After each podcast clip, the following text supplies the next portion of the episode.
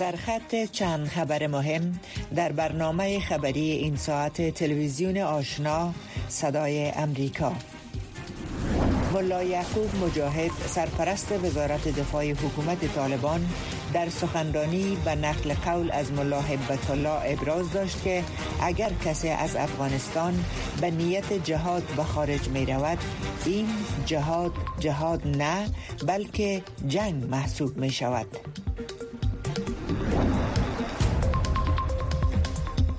ادامه واکنش ها در مورد بازداشت امران خان صدر اعظم سابق پاکستان در داخل کشور و اظهارات وزارت خارجه ایالات متحده در واکنش به این رویداد که گفته شده قضایا علیه امران خان و سایر سیاستمداران مسئله داخلی پاکستان است.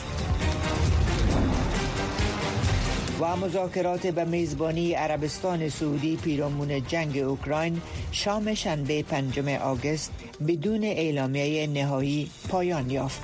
اما گفته می شود که روی موضوعات کلیدی به شمول قرار داشتن حاکمیت و تمامیت ارضی اوکراین در معراق هر گونه معامله صلح توافق صورت گرفت.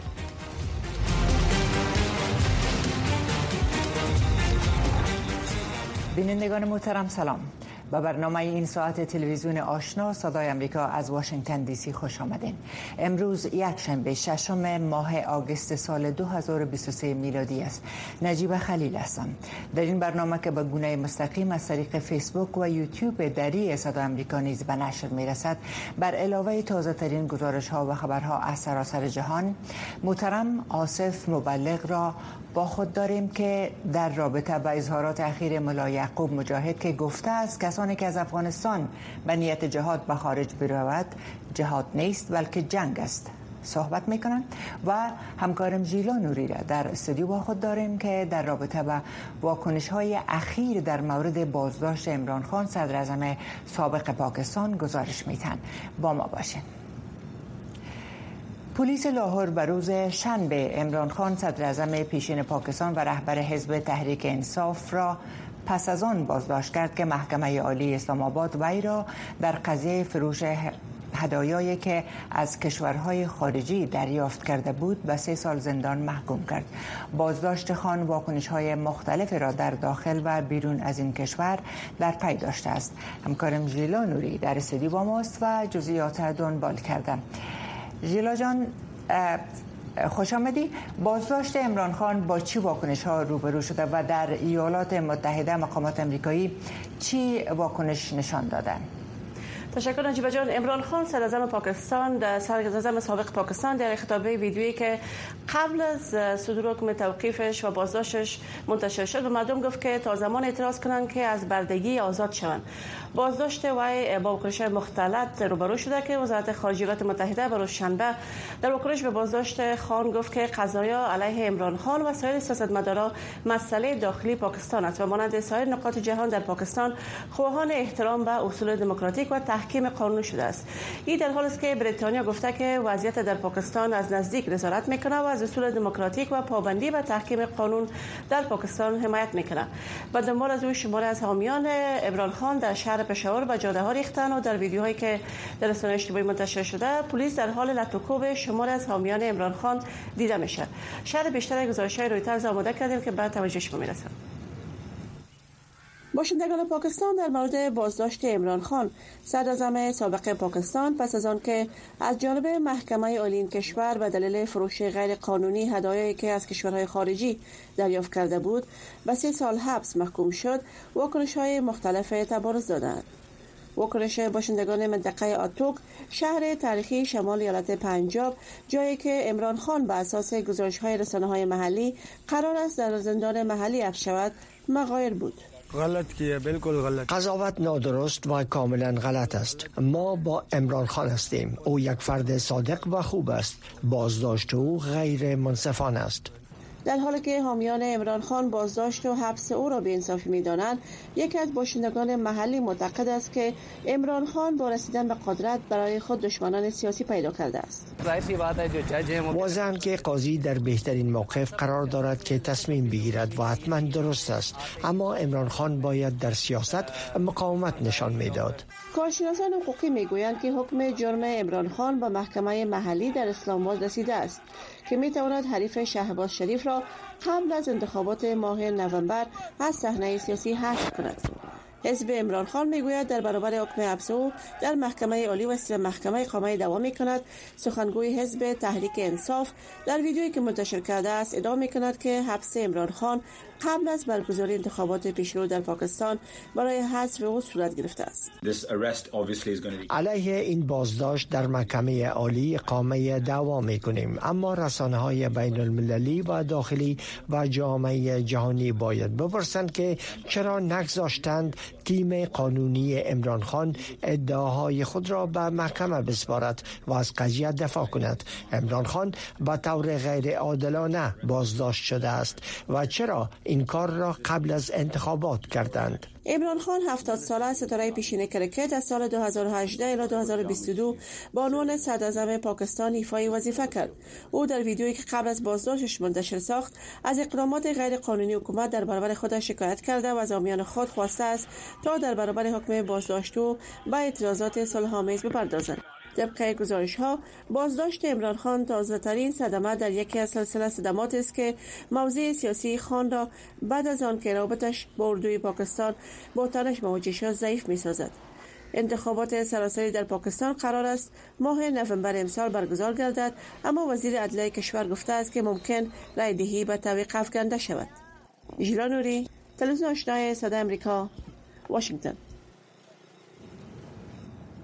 و باز هم از پاکستان. شبکه خبری محلی جیو در پاکستان گزارش داد که یک قطار مسافربری امروز یک شنبه در جنوب آن کشور از خط خارج شد که منجر به تلفات حداقل 35 تن و زخمی شدن 50 نفر شد.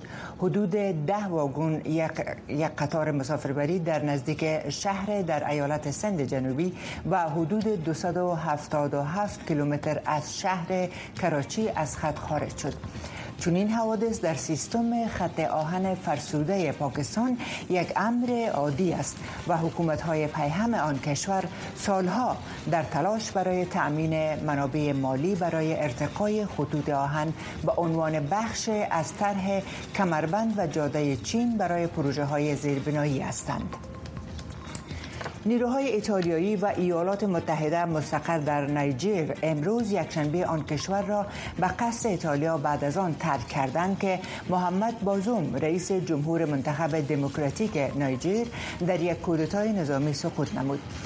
گیدو کروستو وزیر دفاع ایتالیا در بیانیه گفت در مجموع 75 سرباز که متشکل از 65 ایتالیایی و 10 سرباز امریکایی است در میدان هوایی پراتیکادی ماره فرود آمدند. 254 سرباز دیگر که هنوز در نایجر باقی ماندهاند تا هفته آینده از آنجا خارج می شوند نیروهای مختلط بخش از مأموریت حمایت دو جانبه میسین در جمهوری نایجر است. مأموریت آموزشی که در سال 2018 به منظور افزایش قابلیت ها با هدف مبارزه با پدیده قاچاق غیرقانونی و تهدیدات امنیتی به عنوان بخش از تلاش مشترک اتحادیه اروپا و ایالات متحده برای ایجاد ثبات در منطقه توسط این سازمان راه اندازی شد. مذاکرات به میزبانی عربستان سعودی پیرامون جنگ اوکراین شام پنجشنبه پنجم آگوست بدون اعلامیه نهایی پایان یافت. با آن هم یک منبع اروپایی گفت که روی موضوعات کلیدی به شمول قرار داشتن حاکمیت و تمامیت ارضی اوکراین در محراق هر گونه معامله صلح توافق صورت گرفت. این نشست که در آن نمایندگان حدود چل کشور به استثنای روسیه اشتراک داشتند. پس از ساعتها بیانیه ها و مباحث در عقب درهای بسته به پایان رسید. بر اساس یک بخش از بیانیه نماینده برزیل که به فرانس پرس فرستاده شده بود در این نشست نماینده برزیل گفت که در هر گونه مذاکرات واقعی باید تمامی جوانب شامل باشند. به شمول روسیه. شبکه تلویزیونی دولتی چین گزارش داد که در اثر زلزله‌ای که امروز یکشنبه در آن کشور رخ داد 21 تن مجروح و 126 ساختمان فرو ریخت این زلزله به شدت 5 اشاری 5 به مقیاس ریکتر گزارش شده است به اساس گزارش مسئولین خطوط آهن آن کشور برخی از عملیات خطوط آهن را در مسیرهایی از جمله راه آهن پیکینگ شانگهای و راه آهن پیکینگ کولون به حالت تعلیق درآورد. در داخل یک محوطه حصارکشی شده بلند در شمال شرق سوریه ده ها نوجوان که با گروه دولت اسلامی یا داعش در ارتباط بودند تحت برنامه احیای مجدد قرار دارند تا آنها را از ایدئولوژی افراطی که والدینشان با آن آموزش داده و یا در زندگی کردن تحت حاکمیت شبه نظامیان افراطی در سوریه و عراق آن را فرا گرفتند دور کنند.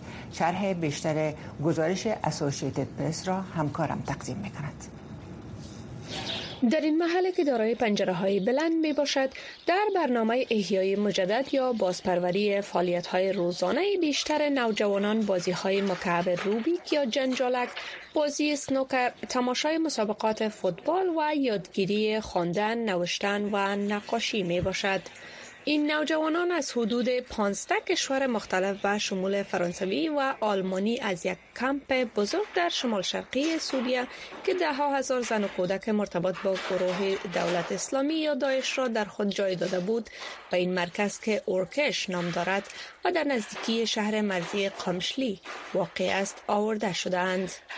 نحن في مراكز الاصلاح والتأهيل ما در مراکز اصلاح و احیای مجدد نوجوانان نوجوانان افراطی را نیز داریم که قبلا برخی از آنها از نظر نظامی و عقیدتی به داعش پیوسته بودند و برخی دیگر تحت تأثیر ایدئولوژی و مفکوره داعش مانند قرار داشتند. مقامات تحت رهبری کردها در شمال شرق سوریه که این مرکز را اداره و تنظیم می کنند قصد دارند تا از ازدواج پسران نوجوان با دختران جوان در کمپ الهول جلوگیری کنند. آنها می ترسند که مبادا افراد داعش در داخل کمپ الهول پسران و دختران را تشویق به ازدواج برای افزایش جمعیت داعش کنند تا باعث قیام مجدد داعش پس از شکست آن در سال 2019 در سوریه شوند. الان العوائل اقامت کودکان در این کمپ ها آنان را در معرض خشونت خانگی قرار می دهد اکنون داعش دست به اقدام بسیار خطرناکی زده و آن اینکه از این کودکان بهره برداری جنسی کند. حالا این گروه به فکر تولید نسل است. سوال ایجاد می شود که چرا این کار را می کنند آنها ممکن برنامه هایی برای آینده در سر داشته باشند. تلاش ها برای احیای مجدد یا بازپروری پسران در حال انجام می شود که روند بازگرداندن این جوانان از کمپ الهول به کشورهای اصلیشان کند بوده است زیرا بسیاری از کشورها از بازگرداندن شهروندان خود که پس از اعلام خلافت اسلامی در ماه جون 2014 به سوریه و عراق آمده بودند جلوگیری می کنند. در کمپ الهول همسران، بیوه کودکان و همه اعضای خانواده های شبه نظامیان داعش نگهداری می شوند. اکثریت آنها عراقی و سوری هستند که هنوز هم حامیان سرسخت داعش می باشند. جهان هنان رئیس کمپ الهول به اسوسییتد پرس گفت که در حال حاضر در حدود 51 هزار نفر در این کمپ زندگی می کنند. از نظر ما آنها باید در مراکز تخصصی و زیر نظر کادرهای متخصص مراحل بازپروری خود طی کنند وقتی اطفال به سن 12 یا 13 سالگی می‌رسند از نظر جسمی بزرگ میشن و تحت تاثیر طرز تفکر افراطی قرار می‌گیرند که در خانواده هایشان حاکم است. انتونی گوتریش منشی عمومی سازمان ملل متحد در جریان سفری که در ماه مارچ برای بازدید از این کمپ ها داشت کمپ الهول در سوریه را بدترین کمپ در جهان توصیف کرد. این در حالی است که پس از شکست داعش در مارچ 2019 در سوریه به دست نیروهای دموکراتیک سوریه که تحت حمایت ایالات متحده بودند جمعیت این کمپ به طور چشمگیر افزایش یافت و هزاران خانواده به الهول آورده شدند و از آن زمان به بعد در اینجا زندگی دارند.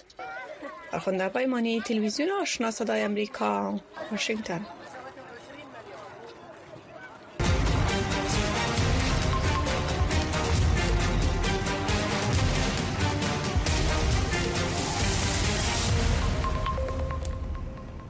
خبر از افغانستان داریم. زلزله نسبتا شدید شب گذشته کابل و برخی از ولایات افغانستان را تکان داد. اما تا هنوز گزارش از تلفات و خسارات ناشی از وقوع این زلزله منتشر نشده است. این زلزله به ساعت 8 و 30 دقیقه شب رخ داد و هزاران تن از باشندگان کابل و برخی از ولایات از ترس تکانهای شدید از خانه های خود بیرون شدند. اداره سروی جیولوژی ایالات متحده شدت زلزله را 5 8 به مقیاس ریکتر اعلام کرد که مرکز آن در سلسله کوههای هندوکش بود به گفته این اداره این زلزله در افغانستان، پاکستان، هند، تاجیکستان و ازبکستان احساس شده است. طوری که در آغاز برنامه شنیدین ملا یعقوب مجاهد سرپرست وزارت دفاع حکومت طالبان در سخنرانی به فرماندهان و منصوبین این وزارت گفته است که اگر کسی از افغانستان به نیت جهاد به خارج می رود در حقیقت برای جنگ رفته است نه جهاد. تلویزیون ملی تحت اداره طالبان روز شنبه در رسانه اجتماعی اکس بخش های از سخنرانی یعقوب مجاهد را نشر کرده که در آن از او طالبان او از طالبان خواسته تا از بزرگانشان به حیث یک مسئولیت دینی اطاعت کنند. وزیر دفاع طالبان در سخنرانی که صرف صدای آن نشر شده است گفته است اکنون دستور امیر است. اطاعت از آن واجب فرض و لازم است. برای بحث روی اظهارات ملا یعقوب مجاهد محترم آقای آصف مبلغ را با خود داریم. آقای مبلغ خوش آمدین به برنامه. برداشت شما از اظهارات ملا یعقوب مجاهد چیست؟ هدفشان از خارج کجاست؟ خب ببینید بعد از که دلایل بسیار مستند از سوی کشوران مثل پاکستان مبنی بر دست داشتن جنگجویان طالبان و همچنین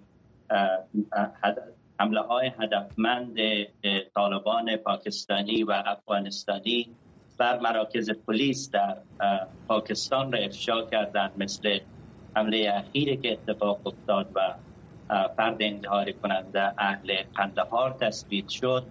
هم فشارهای منطقی و هم فشارهای بین المللی افزایش پیدا کرده بر طالبان و دلیل ارتباطات بسیار بسیار ارگانیکی را که گروه طالبان با گروه های مثل تی تی پی پاکستان داره با القاعده داره و با گروه های تروریستی دیگر. اینه که آقای مجاهد یک چنین چیز را اعلام می‌کنه چند تا مقصد داره. مقصد اولی این هست که به دنیا این پیام را ارسال بکنه که سران طالبان در گسیل و یا ارسال جنگجویان طالبان و جنگ های مثل مسائل پاکستان و یا در دیگر نقاط جهان نقشی ندارند.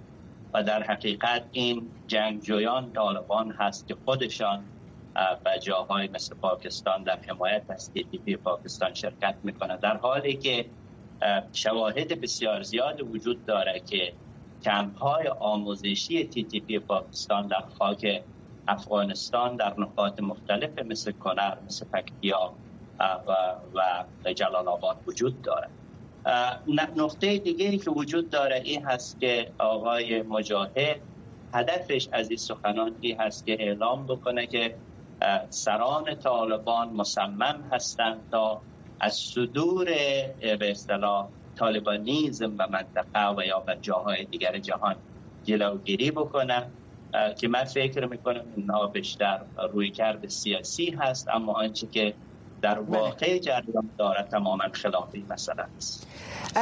درست. شما همونطوری که اشاره کردین که پاکستان اخیرا افغان ها را در برخی از رویدادها گفته دست داشتن اونا را متهم ساختن. اما زبی الله مجاهد سخنگوی طالبایی داره رد کرده. واقعیت در میان چیست به نظر شما؟ آیا طالبا همواره از حضور گروه های دهشت افغان همچنان در افغانستان اینا انکار کردن که حضور ندارن؟ در ساختار طالبا وقتی شما بیایید مطالعه بکنید. از جمله کتاب خیلی خوبه که آقای انتونیو جیوستوزی نوشته. ساختار طالبا مرکب از مجموعه های مختلف گروه های تروریستی هست. شما امروز تثبیت شده که نیروهای از بلوچ های ایران نیروهای از بلوچ های پاکستان نیروهای از سران القاعده در ساختار دولتی طالبان وجود دارد در جاهای مثل هرات معاون کشفی طالبان مولوی توحیدی از بلوچ های ایران هستی تثبیت شده در گزارش های مختلف گروه های حقیقت یا بنابراین من فکر می‌کنم که مرحله انکار گذشته برای طالبان و امروز اگر آقای ملا یعقوب میآید و یک چنین صوت را از خودش انتشار میده شاید برای تلطیف فضایی هست که علیه طالبان امروز حاکم است آقای مبلغ وقت بسیار کم است. ملا یعقوب در سخنرانیش در مورد توافقنامه صلح با ایالات متحده آمریکا و برخی مسائل دیگر نیز صحبت کرده و از طالبان خواست که اقدامات را انجام نتن که به گفتی از او بس منافع ملی کشور آسیب برسانه. این اشاره به کدام اقدامات است؟ حتی سخنگوی دولت چین در ماه گذشته گفت که فصل وحده ها برای گروه طالبان به سرانجام رسیده. من فکر می‌کنم که کشورهای مثل آمریکا بندهای مخفی معاهده دوهر از طالبان عملا اجرایش را می‌خواهند و بنابراین در یک پارادوکس بسیار کلان طالبان قرار داره از یک سو با گروه های کلان تروریست ارتباط هست. از سوی دیگه معاهدات بسیار بسیار مخفی و خطرناک را با کشورهای مثل ایالات متحده دارد بله. قدم برداشتن بر روی این شمشیر تیز برای طالبان آسان نخواهد بله البته طالبان همیشه بندهای مخفی یا, یا زمایم که وجود گفته وجود زمایم پنهانی گفته وجود نداره بسیار تشکر آقای مبلغ از وقتتان که در اختیار برنامه گذاشتین بله. شماری از کارشناسان آموزش و پرورش و فعالان حقوق زن از طالبان می‌خواهند که ستیزه جویی با زنان و دختران را کنار بگذارند و دروازه های مکاتب را بر روی دختران بگشایند. فهیم صدیقی از کالیفرنیا در این مورد گزارش دارد. نزدیک به 700 روز از به قدرت رسیدن مجدد طالبان و بستن دروازه های مکاتب به روی دختران میگذرد.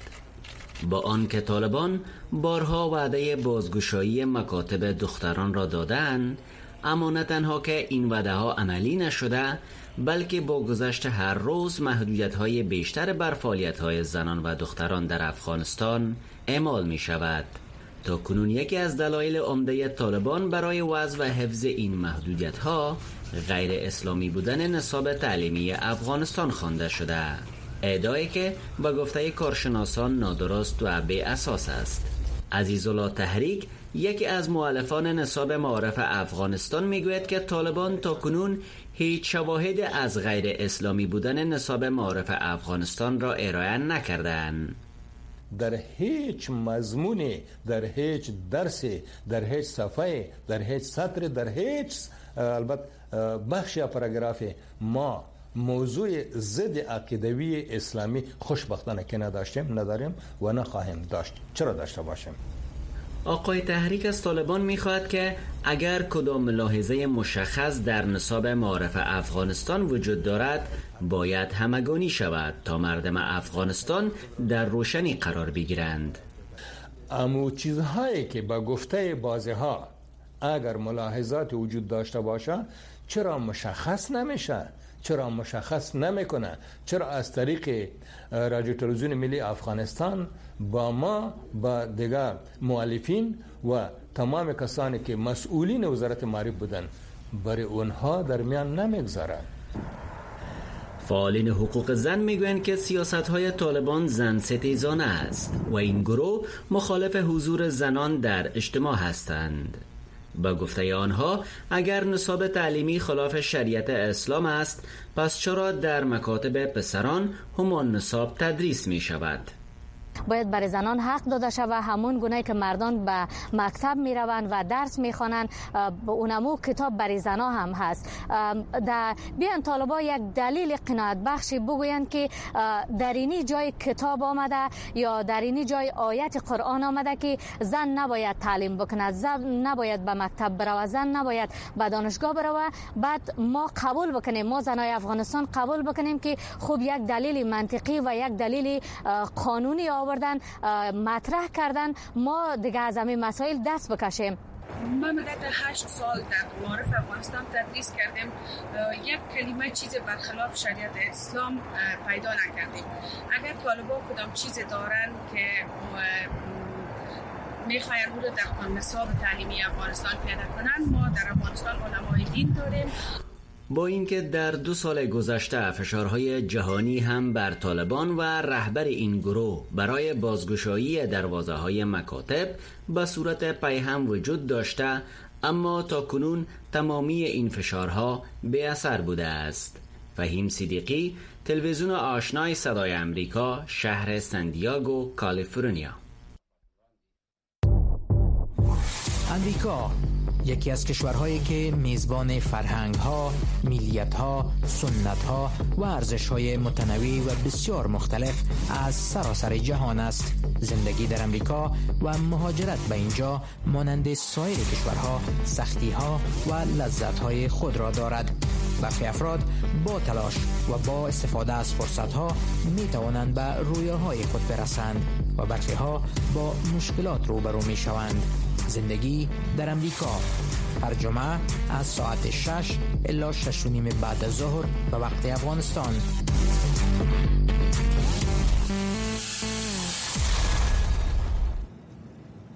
کوریای شمالی یکی از محدود کننده ترین کشورها به ویژه در بخش رسانه های خارجی می باشد ولی برای جان لی نخستین رئیس دفتر خبری امریکایی در پیونگیانگ سالها گزارشگری از داخل آن کشور با او و مخاطبین او در درک بهتر آن کشور کمک کرده است. شهر پیونگیانگ پایتخت کره شمالی. شمار اندک از شهروندان غربی فرصت داشتند از این کشور بسته و محدود دیدن کنند چی برسد که در آنجا کار کنند اما برای جین لی خبرنگار امور خارجی در آژانس خبررسانی اسوشیت پرس پیونگیانگ بعد از آن که رؤسای او با او یک وظیفه را که غیر ممکن به نظر می رسید دادند به خانه دوم مبدل شد و این وظیفه ایجاد یک دفتر خبررسانی در کشوری بود که در آن غرب من حیث دشمن پنداشته می شود. و من فکر کردم چطور شما این کار را انجام می دهید. من حتی به عنوان یک خبرنگار امریکایی ویزای ورود به کره شمالی را ندارم. دفتر این خبرنگار در سال 2012 افتتاح شد و جین لی برای سه سال به طور منظم به کره شمالی سفر می نمود و هر بار تقریبا یک ماه در آنجا می ماند. لی گفت که به عنوان اولین رئیس امریکایی به دفتر خبررسانی پینگیانگ مقرر شد که یک جا شدن آن ضروری بود. قسمی که می توانستم در واقع به سراحت صحبت داشته باشم و شما درک می کردید که آنها چی فکر می کردن در واقع چی می خواستن چی کسانی بودند. گذاشته از تیاتر که آنها به نمایشان عادت داشتند. این ضربه سخت بود زمستان های بیرحم بود برق سهمیه بندی شده بود و آب و غذا به طور اغلب آلوده بود و نظارت و تجسس نامبازی بود. شما در قلب جنگ روانی قرار دارید. شما آماج هستید. ما به عنوان امریکایی های آموزش دیده و یا در تشخیص آن تجربه نداریم. بنابراین همه چیز تجسس و تبلیغات بود. لی اکنون مستقر در واشنگتن است جایی که او در پادکست بی بی سی مجری برنامه لزر روست هیست است که در آن جنایات سایبری کره شمالی را بررسی می کنند ولی با توجه به اینکه کره شمالی به دوره جدید از انزوا قرار گرفته است و دسترسی به رسانه های خارجی محدود شده است. لی می گوید برای جامعه بین المللی درک عمیق این کشور مشکل تر خواهد بود. خدیجه همال کوزه تلویزیون آشنا صدای امریکا واشنگتن. بینندگان محترم برنامه دری در میجه به پایان می‌رسد. تشکر از وقتتان. صلح پیس و محبت نصیبتان باد. لطفا متوجه خود و دیگران باشید. خداوند پشت و پناهتان.